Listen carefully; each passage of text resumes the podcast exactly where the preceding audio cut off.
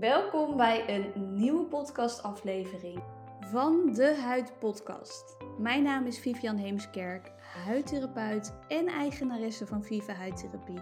En vandaag nemen we je mee in de wereld van pigmentvlekken. En ondanks dat je misschien geen pigmentvlekken hebt, is het zeker interessant om dit te gaan luisteren, want we vertellen je ook hoe je ze in de toekomst kan voorkomen. En het hebben van pigmentvlekken is ja, best wel lastig, want het is direct zichtbaar. En het is niet heel gemakkelijk om er snel vanaf te komen. Maar ik weet zeker met de tips en de kennis die ik vandaag met je ga delen, dat je echt weer hele mooie stappen kan zetten. En uh, ja, dat je je pigment daar zeker mee kan onderdrukken. En hopelijk, als je er langer mee doorgaat, ook echt mee kan verminderen.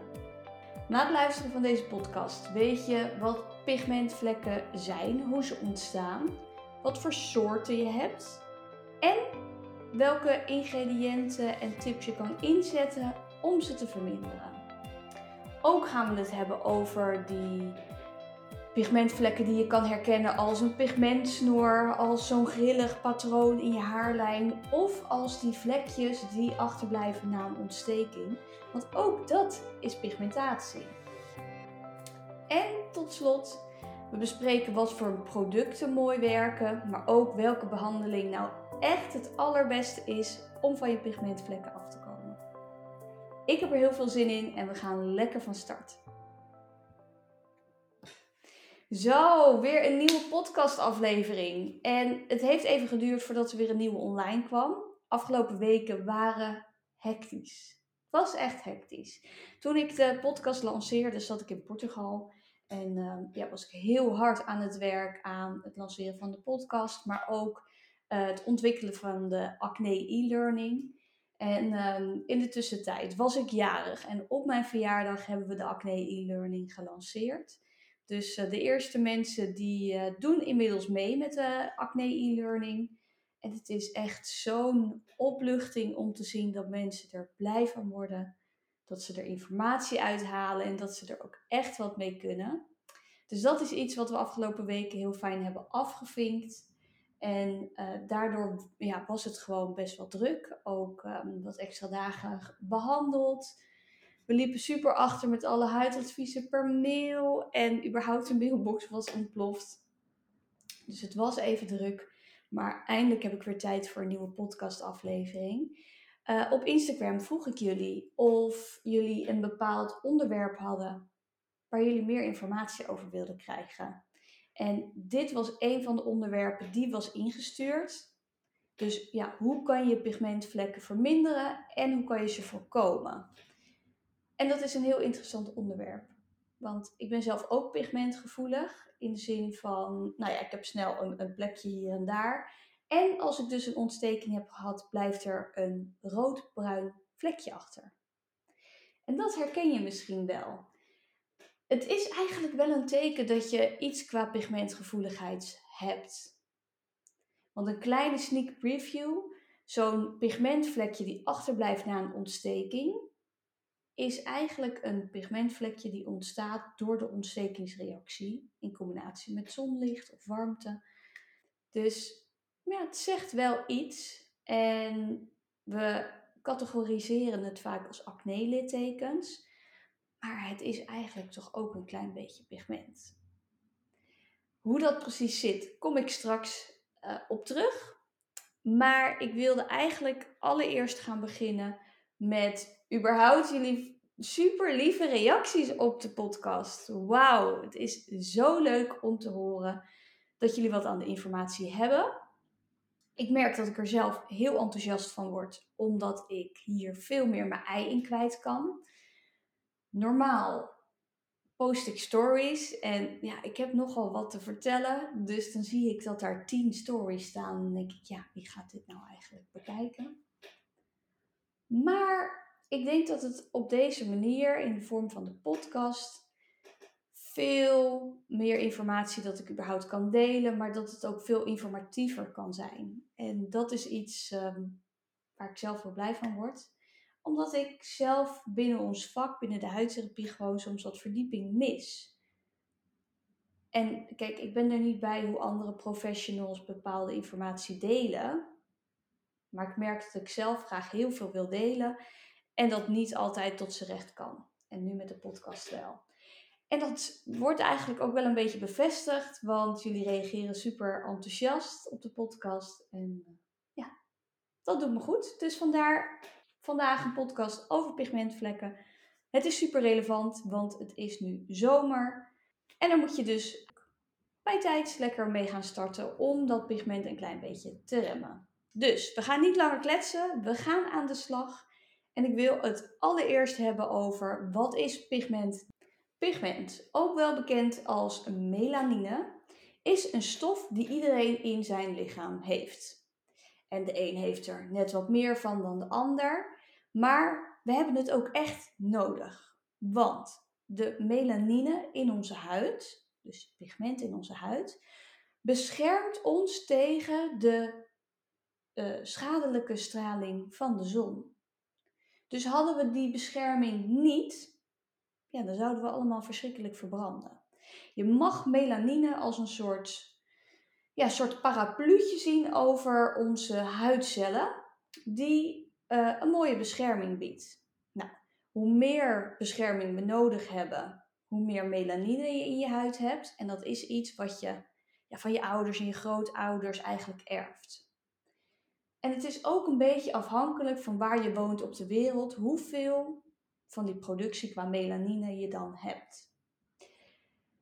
Bijvoorbeeld, woon je in Spanje of in Afrika, dan is de huid donkerder, dus de huid bevat meer melanine. En dus meer bescherming. Nu is het niet zo dat als je een donker huidtype hebt, dat je niet kan verbranden. Dat is een hele grote fabel.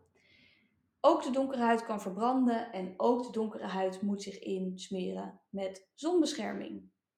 Het is zo dat de huid wel minder snel verbrandt, minder snel schade oploopt, maar laat je daardoor niet misleiden en zorg dat je je huid alsnog goed beschermt. Het is wel zo dat wij in, de, ja, in onze werelddelen in Europa sneller verbranden en meer kans op schade hebben omdat wij gewoon niet zoveel van dat pigment in onze huid hebben. Dus nu weet je wat pigment en melanine is. Maar hoe ontstaat het nou eigenlijk? Dat is een, ook een hele belangrijke vraag.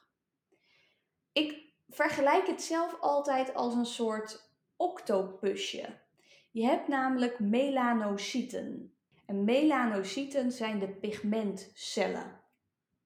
En je kan het dus zien als een soort octopusje die in een diepere huidlaag zit met allemaal tentakeltjes.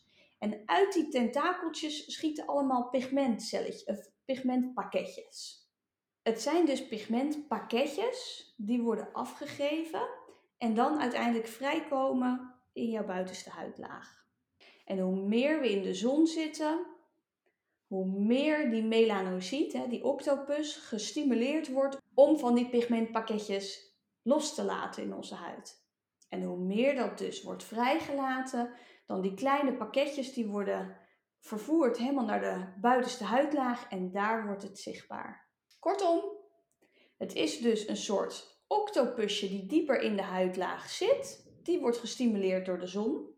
En die denkt, hm, we kunnen wel wat extra bescherming gebruiken. Die gaat dus al die kleine pigmentpakketjes loslaten die pigmentpakketjes gaan helemaal naar onze bovenste huidlaag. En daarom duurt het ook altijd eventjes voordat je bruin wordt, omdat die huidlagen, ja, die moeten naar boven komen met die pigmentpakketjes. En dan word je bruin. En het is heel leuk hè, dat we een bruin kleurtje krijgen, maar eigenlijk is het een soort afweermechanisme om je huid te beschermen. Dus je zou het zelf zo kunnen zien dat wanneer je huid bruin kleurt, je huid eigenlijk al schade aan het oplopen is. En dat is minder prettig. En dat proces wat ik net benoem, dat is een proces hoe het normaal zou moeten gaan. Maar als er een verstoring is, waardoor die pigmentpakketjes niet goed in kleine korreltjes loslaten en naar de bovenste huidlaag gaan, maar dat ze samen blijven klonteren, dan krijg je een pigmentvlek. En zo'n pigmentvlek, ja, dat kan dus ontstaan doordat er bepaalde problemen zijn in de aanvoer van die pigmentpakketjes. En wat daarvoor kan zorgen, daar kom ik straks op terug. Maar dat het belangrijk is om te achterhalen wat die verstoring van die norma dat normale proces is, dat is dus super belangrijk. Want als je dat, die bepaalde trigger kan achterhalen, ja, dan weet je ook hoe je dat in de toekomst beter kan voorkomen. En hoe heftig die pigmentvlek aanwezig is, ja, dat is een beetje afhankelijk van hoe erg die verstoring is, wat de trigger is van die verstoring en hoe diep dat pigment dan wel niet zit. Je kan bijvoorbeeld uh, zien, en dat is een trucje die we in de salon vaak toepassen, is als wij het, uh, een, stel we hebben hier een pigmentvlek en ik spreid het pigment of ik spreid de huid en ik zie dat het dan niet goed wegtrekt, dan zit het best wel diep. En zie je bijvoorbeeld dat het een beetje grijzig is, dan zit het ook diep. Maar span je zo en gaat het pigment snel weg en zie je dat het wat licht bruinig qua kleur is, nou dan zit het pigment nog niet zo heel erg diep en dat is best wel goed te behandelen. En misschien een goed weetje dat bijna 90% van de zwangere vrouwen last heeft van pigment. En dat kan zijn in de zwangerschap, maar ook daarna. Dus super interessant om nu op voorhand ook te weten, ja, hoe kan je dat beperken? En als je het al hebt, hoe kan je het verminderen? Dus daar gaan we mee aan de slag.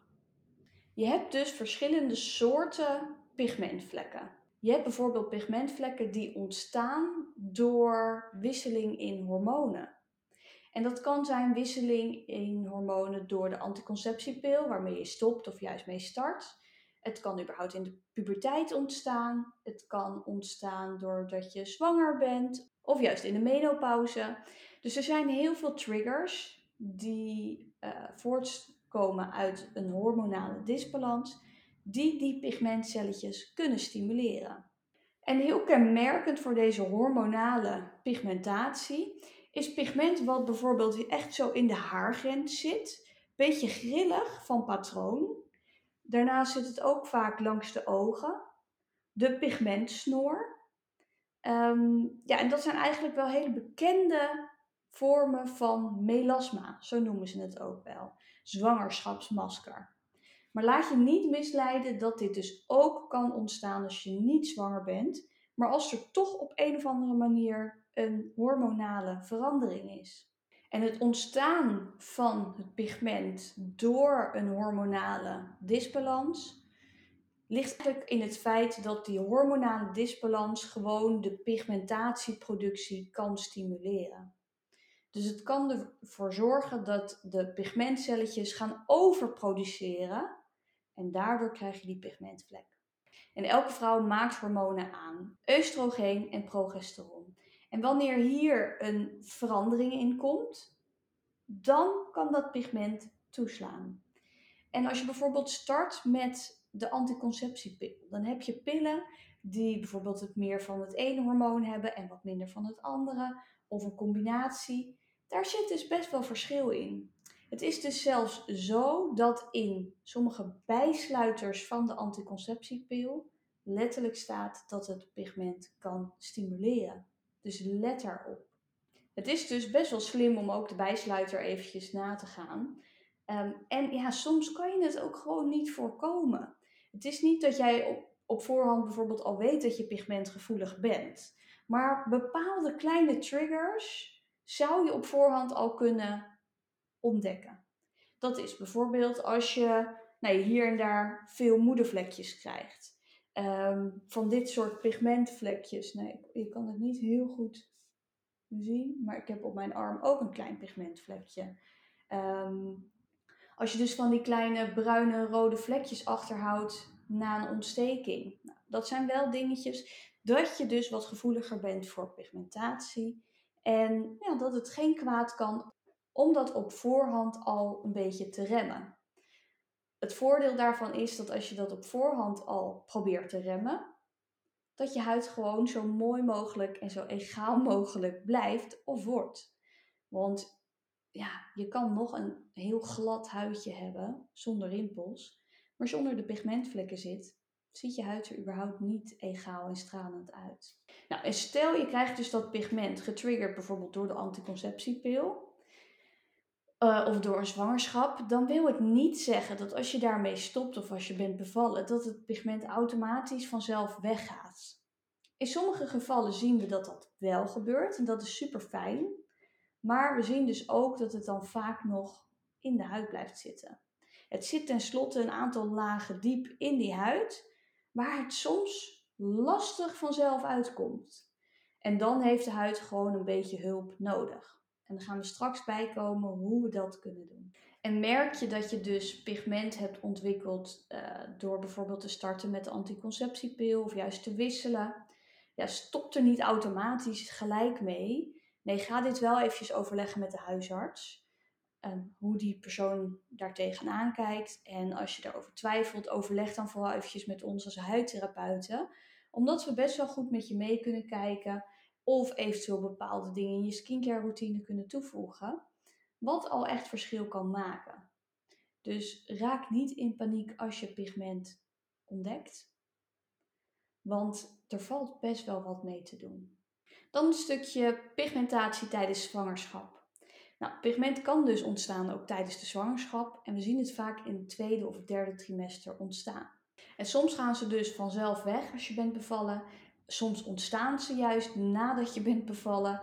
En het is vaak dat ze wel blijven zitten. Maar weet dat als je daar na de bevalling mee aan de slag gaat, dat je daar prima aan kan werken. Uh, tijdens je zwangerschap kan je er ook al wat aan doen. Alleen kan je dus niet op de hele heftige behandelingen inzetten of hele heftige ingrediënten. Maar er zijn absoluut middelen die je kan inzetten tijdens de zwangerschap om het pigment wat er zit te verminderen, maar ook om het preventief te voorkomen. Waar je op moet letten is dat je tijdens zwangerschap je dus niet aan de slag gaat met hele heftige behandelingen. Doordat je pigmentgevoelig bent en door de hormonen kan je heftiger reageren op bepaalde behandelingen. En ook hebben ze vaak een soort voorzorg ontwikkeld om ja, niet aansprakelijk te zijn voor, ja, mocht er iets met de baby gebeuren. Heel veel producten en behandelingen kunnen eigenlijk prima doorgaan tijdens de zwangerschap of tijdens het geven van borstvoeding. Omdat er ja, geen bloed, het komt niet in je bloedbaan terecht. Maar er zijn heel weinig merken of professionals of nou, apparaten die ja, dat durven te claimen. Want je wil absoluut niet een claim aan je broek krijgen van ja, door jou is er iets met mijn kindje gebeurd. Dat is echt je nachtmerrie. Dus daar zijn ze vaak heel erg ja, voorzichtig in. Nu eh, ja, weet ik uit bepaalde onderzoeken dat er onderscheid wordt gemaakt over bepaalde ingrediënten die wel en die niet ingezet kunnen worden. En daar is wel echt heel lang onderzoek naar gedaan. Dus er zijn bepaalde zuurtjes die je liever niet kan inzetten. Uh, en dan hebben we het bijvoorbeeld over salicylzuur. Nou, dat is ook iets meer voor de acnegevoelige huid. Uh, maar bijvoorbeeld retinol, wat ook wel eens wordt ingezet tijdens um, de behandeling van pigmentaties. Ja, en die willen we ook niet in de routine zien. Um, omdat dat mogelijk invloed kan hebben op het ongeboren kindje. Maar andere ingrediënten die we straks gaan benoemen, kunnen prima ingezet worden. Dan hebben we een vorm van pigmentatie die ontstaat door schade aan de huid. En dat kan op heel veel verschillende manieren worden geïnterpreteerd. We noemen het ook wel PIH, post-inflammatoire hyperpigmentatie. Post-inflammatoire is na inflammatie, dus na een ontstekingsreactie. En hyperpigmentatie spreekt voor zich een teveel aan pigment. Dat kan al ontstaan doordat je bijvoorbeeld continu aan je bovenlip likt, om het een beetje soepel te houden, dat er eerst zo'n hele rode waas zit. Nou, als je dan bijvoorbeeld in aanraking komt met warmte en zon, dan kan dat gewoon letterlijk bruin kleuren. Ook zijn die littekentjes die achterblijven na een ontsteking, zijn ook PIH's. En andere dingen zijn bijvoorbeeld na eczeem, hele droge huid, een schaafwond, insectenbeten. Dat kan allemaal een pigmentvlekje achterlaten. En nog eentje, wat niet veel mensen weten, is dat als jij in de ochtend je wenkbrauwen gaat epileren en je gaat daarna de zon in, dan komt daar een reactie van extra melanine, extra pigment, wat een klein bruin stipje achter kan laten. Dus als belangrijke tip, zorg ervoor dat als je ja, ehm, je wenkbrauwen wilt epileren, dat je dit altijd in de avond doet en niet in de ochtend. Dat is waarschijnlijk iets wat jij nog niet wist. Zo'n PIH ontstaat doordat er een wondje is. Daar gaan allemaal celletjes naartoe om de huid te herstellen. Maar er wordt ook naar gestuurd dat die pigmentcelletjes daar naartoe gaan. Om het pigment daar te repareren en om te beschermen. Maar dat stapelt zich daar een beetje op. En dan blijft er dus een vlekje achter na een ontsteking of na een wondje. Meestal vervaagt dit binnen 1 tot 24 maanden. Dat is ook wel waarom die vlekjes na een ontsteking meestal vanzelf weggaan. Maar het duurt gewoon heel erg lang. Het kan dus soms twee jaar duren voordat het weg is. Ja, niemand zit daarop te wachten. En niemand heeft zin om daarop te wachten. Dus dat kunnen we heel goed een handje helpen. Dan een andere vorm van pigmentatie is het pigment wat kan ontstaan na het gebruik van producten met alcohol daarin of parfum. En nou zie ik je denken van hé, hey, als ik naar het strand ga of lekker uh, overdag uh, iets ga doen, dan spuit ik altijd parfum en met name in mijn hals. Maar stel jij gaat daarna de deur uit en het is zonnig, dan komt daar zon op te staan. En dat kan voor pigmentvlekken zorgen. Er zijn heel karakteristieke pigmentvlekken die vaak hier ontstaan, die ik direct kan herkennen als dat is pigment door parfum. En let dus ook op met producten waar alcohol in zit, omdat dat ook je huid kan aantasten. En dat aantasten dat ontstaat omdat dat alcohol en die parfum uh, ja, dat zorgt ervoor dat er wat irritatie op de huid komt. Nou, we hebben net besproken wat dat pigment kan ontstaan als er dus een wondje of irritatie is.